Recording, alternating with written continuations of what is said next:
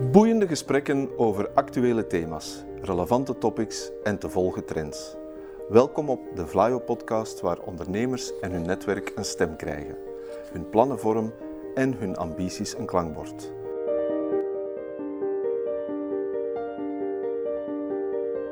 To the point waar het kan, dieper gravend waar het moet.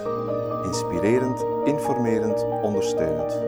Van artificial intelligence, blockchain en circulaire economie tot digitale zorg. Wij knopen het in jouw oren.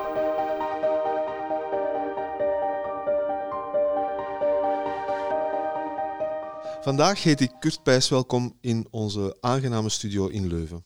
Kurt is naast een regelmatig blogger over innovatie, naast toetsenist van een rockband en naast een verwoed wandelaar en fietser, vooral ook directeur van teambedrijfstrajecten bij Vlaio. En dus mijn baas. Met hem bespreek ik graag het boek De Ladder van Ben Tigelaar. Dat boek gaat over verandering van gedrag, waarom dat zo moeilijk is en vooral ook hoe het wel kan werken. Dag Kurt. Dag Werner. Kurt, heb ik uh, bij mijn introductie iets te veel of te weinig gezegd? Wil je er nog iets aan toevoegen? Wel, je hebt dat heel goed samengevat, uh, Werner. Uh, misschien gewoon zeggen dat Team Bedrijfstrekte een heel tof team van bedrijfsadviseurs zijn, die bedrijven één op één ondersteunen in Vlaanderen, vooral bij hun groei- en innovatieplannen. En toch ook heel belangrijk, en zeker in het kader van dit boek, is dat wij zelf uh, de afgelopen twee jaar toch een behoorlijke verandering hebben doorgaan, komende van vijf organisaties naar één. En dus ik heb heel veel aha-momenten gehad als ik dit boek las, en daar kunnen we straks nog op terugkomen. Absoluut.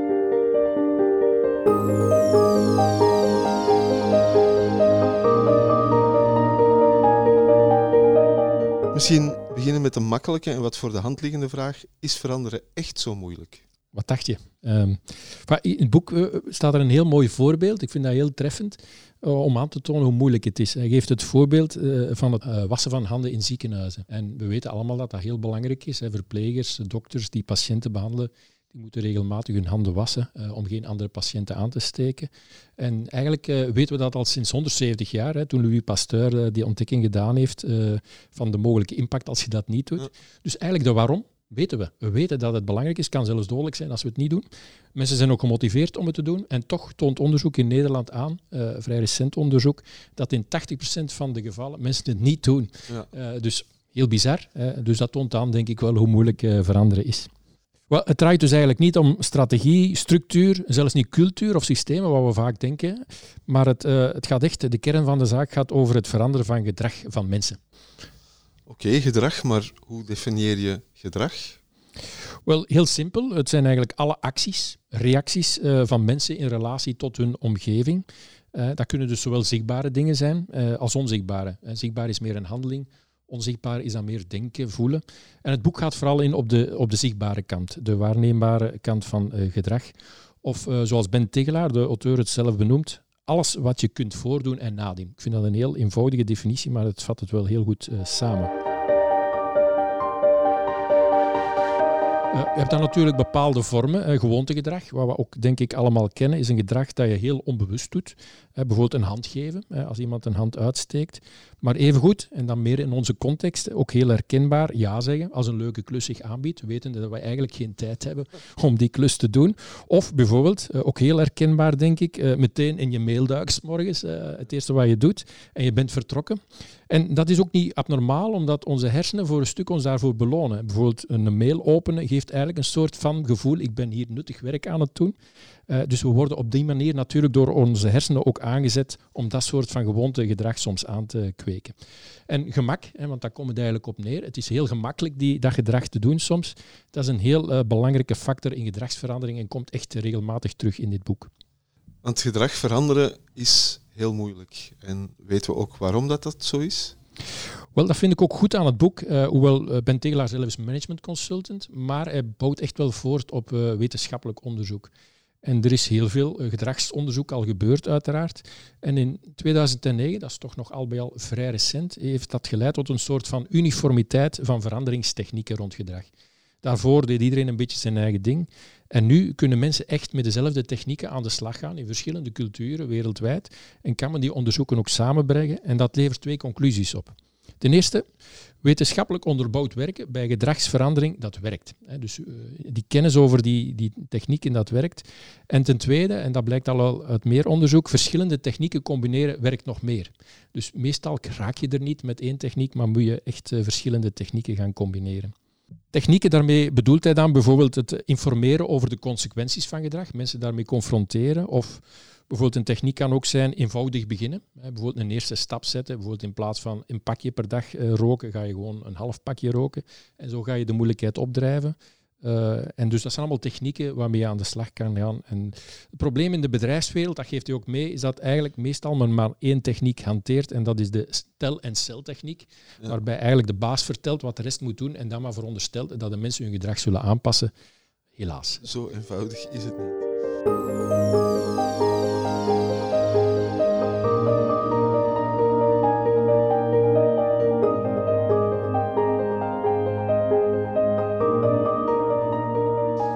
Welke factoren hebben dan nog impact op het gedrag van mensen? Wel, in dit boek uh, komen drie, drie vuistregels naar voren, drie tips. Je gaat dat uh, straks ook nog merken en dat maakt het ook eenvoudig om eigenlijk de kern van het boek goed te onthouden. En uh, hij geeft aan dat er drie aanjagers zijn voor gedrag. Kort samengevat, kunnen, willen en de omgeving moet het gedrag ook toelaten. En kunnen, dus de capaciteit om een, om een gedrag, een handeling te doen, is natuurlijk heel belangrijk. Uh, dat omvat zowel fysieke als uh, psychologische elementen uh, die mensen moeten hebben. Bijvoorbeeld als je een grote long inhoudt, ga je iets gemakkelijker kunnen lopen, waardoor je gemakkelijker het gedrag gaat bijsturen om effectief ook gaan te lopen. motivatie. Je moet het ook willen, uiteraard. Hè. Het moet een soort van innerlijke drang zijn om een bepaald gedrag te vertonen. Uh, dat kan gecontroleerde, rationele motivatie noem ik het eerder zijn, eh, waarbij je zelf rationeel de, de afweging maakt van bijvoorbeeld, uh, als ik met de wagen rijd, drink ik niet, want ik zou bijvoorbeeld iemand kunnen doodrijden. Dat is een vrij rationele afweging. Maar het kan bijvoorbeeld ook automatische motivatie zijn, hè, waarbij je zelfs onbewust verlangens gaat gebruiken om je gedrag te sturen. En tot slot, en ik vind dat persoonlijk wel een heel belangrijke, en eentje die ik zelf persoonlijk ook wel eens onderschat, dat is het belang van de omgeving. En zowel de fysieke als sociale omgeving, die moet echt de gelegenheid bieden aan jezelf of mensen wiens gedrag je wil uh, bijsturen, om dat ook te doen. Een klassiek voorbeeld in de bedrijfswereld vroeger was van oké, landschapsbureaus. Mensen uh, ontmoeten elkaar te weinig, dus we zetten ze maar samen en dan hopen we dat ze elkaar wat meer gaan ontmoeten.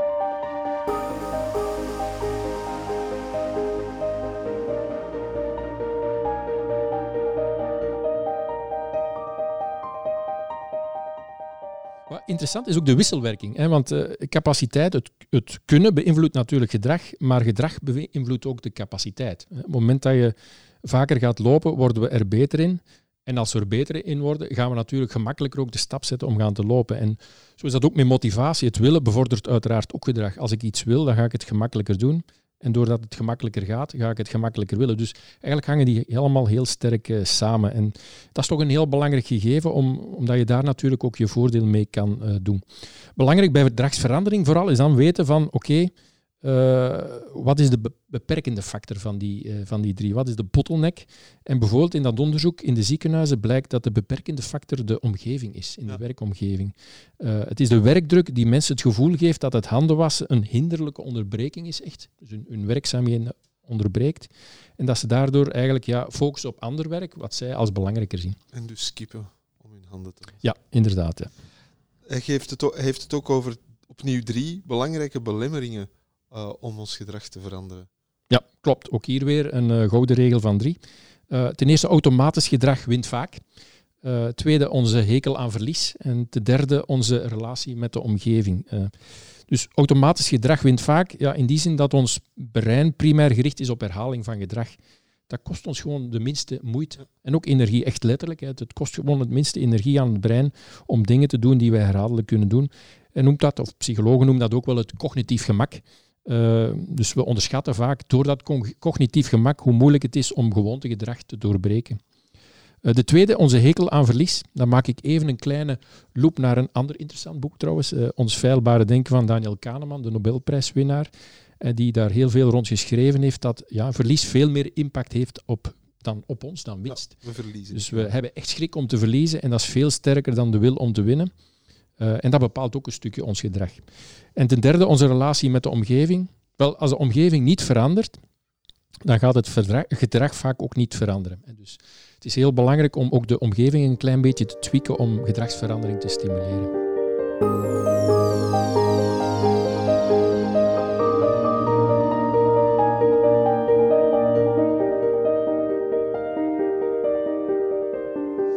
Nu we dat allemaal weten, kunnen we eindelijk op de ladder van Ben Tigelaar, de ladder uit de titel van het boek, klimmen, denk ik. En wat wil hij daarmee precies?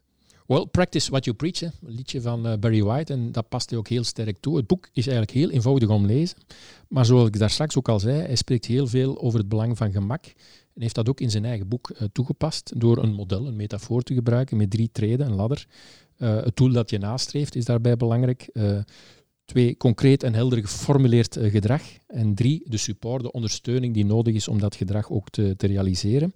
En hij geeft dan aan van, kijk, in de beginfase moet je de ladder eerst van boven naar beneden afwandelen. Je vertrekt vanuit het doel, je vertaalt dat naar gedrag en je gaat dan ook zorgen dat er ondersteuning is om dat gedrag te krijgen.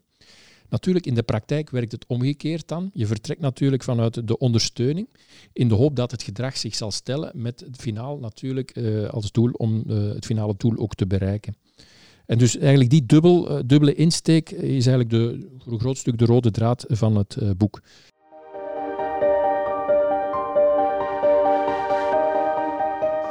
Dus hoe definieer je dan een goed doel? Ook hier weer drie tips. Kies een ontwikkeldoel eh, of leerdoel en geen prestatiedoel. Ik ga dat straks iets eh, meer toelichten. Formuleer een heldere waarom voor je doel. En tot slot liefst één doel. Niet te veel, eh, gooi- Combineren. ja, niet te veel combineren. Heel belangrijk, omdat je toch een stukje die focus nodig hebt.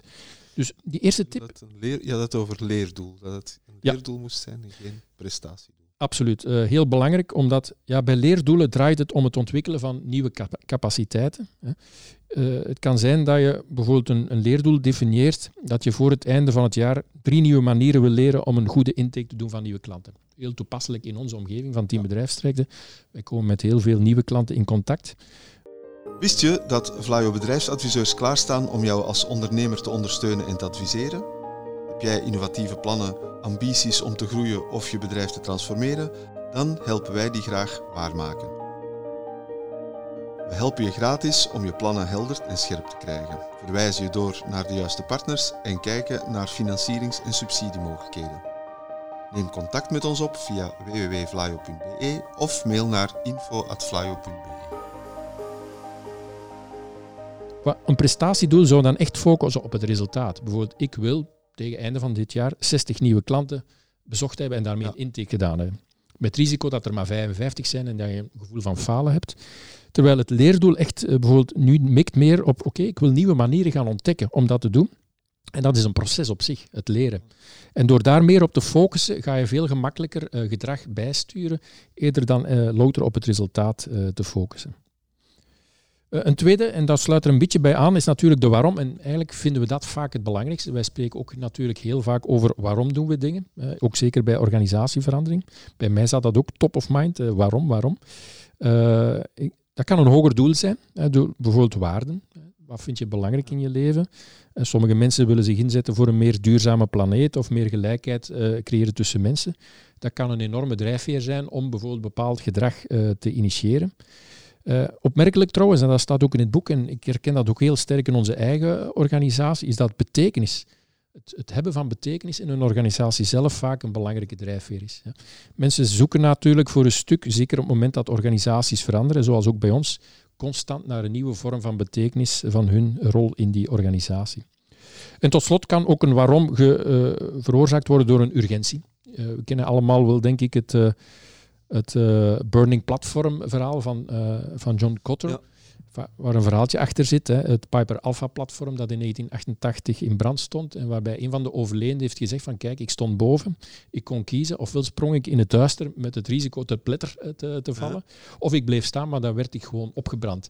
En dus eh Kotter heeft dat dan vertaald door te zeggen kijk, bij gedragsverandering is het veel belangrijker see, feel, change. Hè. Zien, voelen en dan veranderen. Eerder dan analyseren, analyze, think, change. Eh, het eerste is veel sterker bij gedragsverandering. En tot slot één doel, eh, ja, ook een aandachtspunt, hè, want als organisatie in verandering wil je veel tegelijk doen.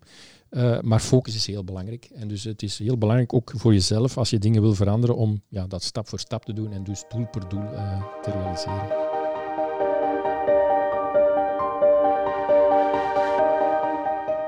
Verandering zonder gedragsaanpassing uh, is een beetje zoals een strategie zonder uitvoering. Hè. Een geweldig plan, uh, maar uh, ja, niet meer dan een plan. Dus ik denk ook hier effectief geeft hij een aantal tips, drie met name, toevallig. Kies voor gedrag dat je leuk vindt. formuleer het gewenste gedrag zo concreet en helder mogelijk. En tot slot, denk simpel. maak je eerste stappen zo eenvoudig mogelijk. Wel, laten we eerst even ingaan op de, de eerste tip. Kies voor gedrag dat je leuk vindt. Onderzoek toont dat aan, maar dat weten we ook allemaal zelf. Hè, dat het uh, belangrijk is dat, uh, om gedrag vol te houden, dat, ook, ja, dat we het als fijn ervaren. En dat geeft ook Tegelaar aan. Uh, leuk werkt gewoon. Hè. Dat kan werken voor gedrag dat je nu al leuk vindt, maar ook voor gedrag dat je leuk kunt maken. Wat je leuk vindt, is eigenlijk in lijn met, meestal met je talent, je sterke punten. en, dus, en dat heb ik ook wel geleerd. Een beste praktijk voor iedereen werkt niet. We hebben soms toch de neiging om gedrag in een organisatie een beetje in een bepaalde richting te sturen. Maar eigenlijk is het toch een stukje maatwerk. Hè. Bijvoorbeeld in onze context, niet dat we echt verkopen, maar sommige adviseurs gaan gemakkelijker een klant overtuigen met enthousiasme. En anderen gaan dat eigenlijk vooral doen door kalm te luisteren en te adviseren. Dat zijn twee totaal verschillende aanpakken. Misschien hetzelfde resultaat. resultaat. Absoluut. En dus in een organisatie neigen om een van die twee dan naar voren te duwen, is niet zonder risico, omdat mensen ja, afhankelijk van hun eigen talenten van het een of het ander energie krijgen. Dus dat is zeker een aandachtspunt. De uitdaging blijft dan natuurlijk, hoe maak je gedrag leuk voor iets dat mensen misschien op zich niet motiveert. Hè? Ook in organisaties is niet alles leuk. Hè? Administratie, hè? Eh, CRM's invullen en dergelijke, om maar één voorbeeld te geven. Uh, we weten dan ook natuurlijk uit eigen ervaring, uh, ik toch persoonlijk, uh, dat het koppelen van een bepaalde verloning, beloning kan werken. Bij, samen met mijn vrouw ga ik thuis ook wel eens wat huiselijke taken doen. Wel, ik zet dan meestal muziek op die ik graag hoor. En dat moedigt mij aan, omdat ik eigenlijk het stukje het aangename aan het nuttige koppel. En je ziet dat ook in, in uh, gamification bijvoorbeeld, hè, waarbij men inderdaad een soort gaming effect creëert om mensen toch mee te trekken in een gedragsverandering, omdat dat op zich natuurlijk plezant is, een spel uh, spelen. In de tweede tip uh, geeft hij aan van kijk, het moet zo concreet en helder mogelijk zijn, het gewenste gedrag. Dat is ook wel een aandachtspunt. Hij spreekt dan over action planning. Uh, je moet echt goed beschrijven en heel concreet wat iemand moet doen, hoe vaak, hoe lang, hoe intensief hoe concreter je dat maakt, hoe, hoe, groter de kans dat mensen ook hun gedrag zullen veranderen. Als er vaagheid is, ja, dan kunnen mensen dat naar eigen believen invullen. En dan gaan ze dat ook doen, uiteraard. Hè. Dus als iemand zich in zo'n gedrag niet aanpast, heeft dat ook directe repercussie vaak op de gedragsaanpassingen van anderen. Kan je daar een voorbeeld van geven? Ja, uh, een van de, de voorstellen en tips die je daar geeft, is als dan plannen gebruiken. Dat je echt aangeeft van kijk, als ik dat doe, als ik dat doe, dan ga ik vervolgens dat doen. En bijvoorbeeld als ik s morgens opsta, doe ik eerst 10 minuten yoga. Dat is heel concreet op mijn eigen leven toegepast. Uh, dat maakt voor mij het opstaan een plezier, want ik weet dat ik dat ga doen. Uh, maar dat kan ook in een werkcontext zijn als iemand iets doet, dat iemand anders dan iets doet. En dus zo gaan we elkaar ook beïnvloeden door ja, in ieders gedrag te laten afstralen op wat van anderen verwacht wordt. Uh, tip 3 dan, tot slot. denk simpel en maak je eerste stappen zo eenvoudig mogelijk. Ja, de leidraad daar is eigenlijk dat de eerste stap niet klein genoeg kan zijn. En ik moet zeggen, wij hebben vorig jaar zelf een traject gelopen rond oplossingsgerichte benadering. Eigenlijk is het dat. Zoek naar iets wat al kan werken, eer dan direct het volledige gedrag aan te passen. En vertrek van daaruit om voor een stuk volgende stappen te zetten in de hoop dat je finaal de volledige gedragsverandering kunt uh, realiseren.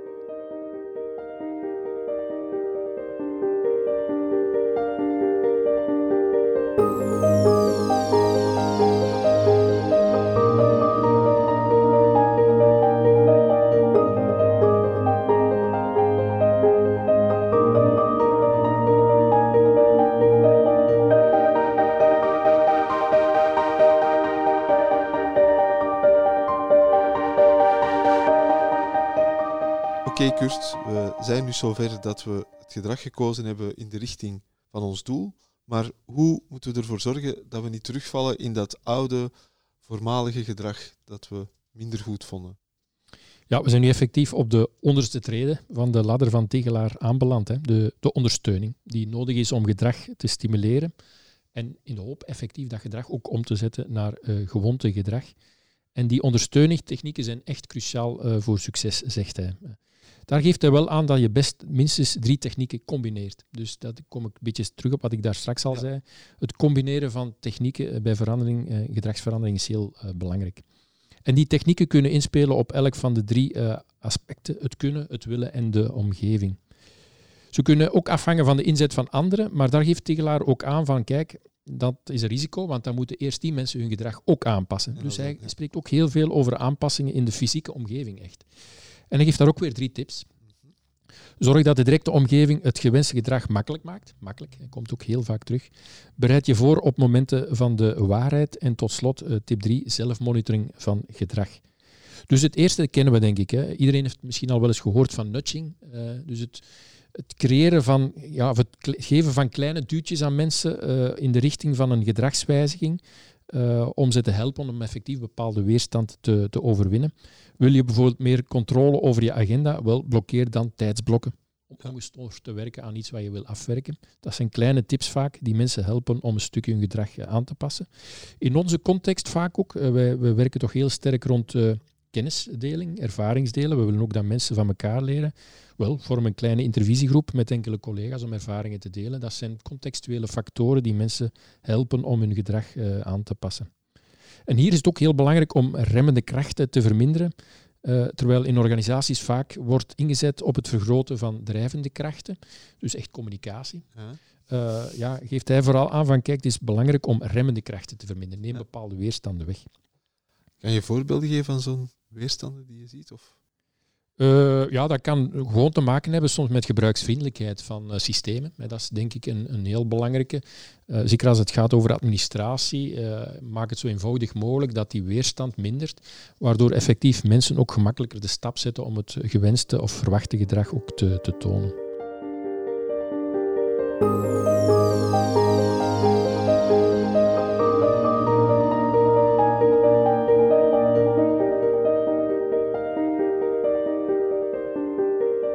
Zijn we bij type 2 aanbeland, de moments of truth, de momenten van de waarheid. Eentje in onze context. Uh, wij zijn een organisatie die klantvriendelijk wil zijn, en dat ook is uh, trouwens. Maar uh, dat wordt maar bekrachtigd op het moment dat je natuurlijk eens in contact komt met een klant die zich onmogelijk gedraagt.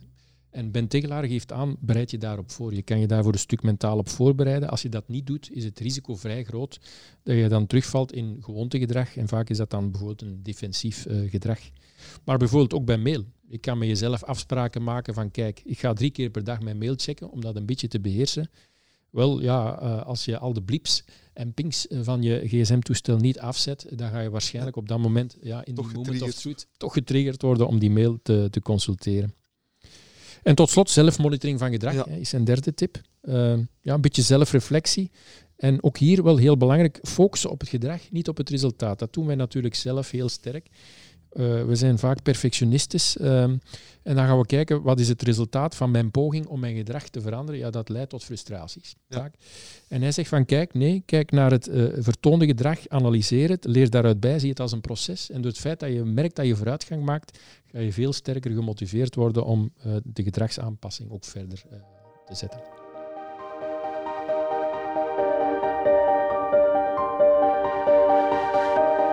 Hij geeft ook aan uh, dat uh, zelfmonitoring, dat niet iedereen daar even sterk in is. En hij geeft ook een tip om dat ook op een bepaalde manier bij te passen eigenlijk. Ja, dat klopt. Hè.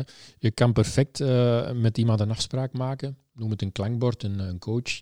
waarbij je zegt, kijk, wekelijks wil ik met jou eens afstemmen hoe ver ik sta in mijn aanpassingen van mijn gedrag, in mijn veranderingstraject. en dat is voor een stuk natuurlijk iedere keer een moment waarbij je zelf in contact met die persoon ook een keer je eigen analyse maakt voor veel mensen helpt het effectief om daar een klankbord eh, bij te hebben.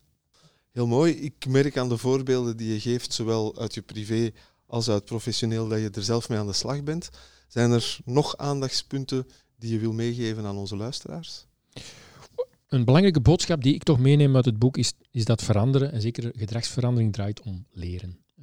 Uh, het is veel belangrijker om effectief op te volgen of je gedrag zich aanpast en dat je dichter bij je doel komt. Uh, veel belangrijker dan iedere keer opnieuw het gevoel te krijgen van ik ben er nog niet, hè, want dat geeft natuurlijk een stuk demotivatie. Uh, noem het echt een doorlopend experiment met jezelf, met ruimte voor faal. We spreken heel veel over het belang van falen in ondernemerschap en innovatie, maar eigenlijk gaat hier dezelfde boodschap op voor het uh, durven experimenteren en dus ook durven falen bij gedragsverandering. Belangrijk daarbij is natuurlijk wel dat je eerlijk blijft met jezelf en dat je wel een aantal evaluatiemomenten inplant uh, en criteria waarop je natuurlijk je, je gaat evalueren. Tot slot geeft hij trouwens ook een, een, paar voorbeelden van veranderend gedrag met een concrete toepassing van het model. Er staan echt heel, voorbeelden, heel veel voorbeelden in. Uh, en ik pak er eentje uit, bijvoorbeeld de waan van de dag overwinnen. Ik denk eentje waar we toch vaak zelf mee geconfronteerd worden. Uh, een leerdoel kan dan bijvoorbeeld zijn dat je zegt, kijk, gedurende drie maanden ga ik verschillende manieren uitproberen om een beter evenwicht te vinden tussen werk dat moet gebeuren en werk dat ik leuk vind. Toch een belangrijk evenwicht, maar ook een spanningsboog vaak. Uh, je wilt per slot van rekening toch dat je nog jarenlang nuttig en mooi werk kan doen in de organisatie. En je gaat dus een stukje dat gedrag moeten uh, definiëren. En bijvoorbeeld gewenst gedrag kan dan zijn dat je zegt, of dat je met jezelf afspreekt dat je nee zegt op taken die buiten de prioriteiten valt, die je vooraf uh, oplegt. en dan zijn er bepaalde ondersteuningstechnieken, zoals bijvoorbeeld een lijstje met werkprioriteiten, waarbij je constant kan aftoetsen wat je doet, dat dat daar ook bij aansluit. Je kan bijvoorbeeld ook een overzicht met vijf momenten van de waarheid voor jezelf vooraf oplijsten, waar het misschien ja, zou kunnen mislukken en je toch vervalt in die oude gewoonte om dingen te doen die je leuk vindt, maar minder belangrijk zijn. Maar ook hier, hè, dus we kwamen er, er straks al op, het inroepen van een collega als coach die je elke maandag bijvoorbeeld een keer bevraagt hoe het gaat met die verandering en of je je effectief wel aan die prioriteiten houdt.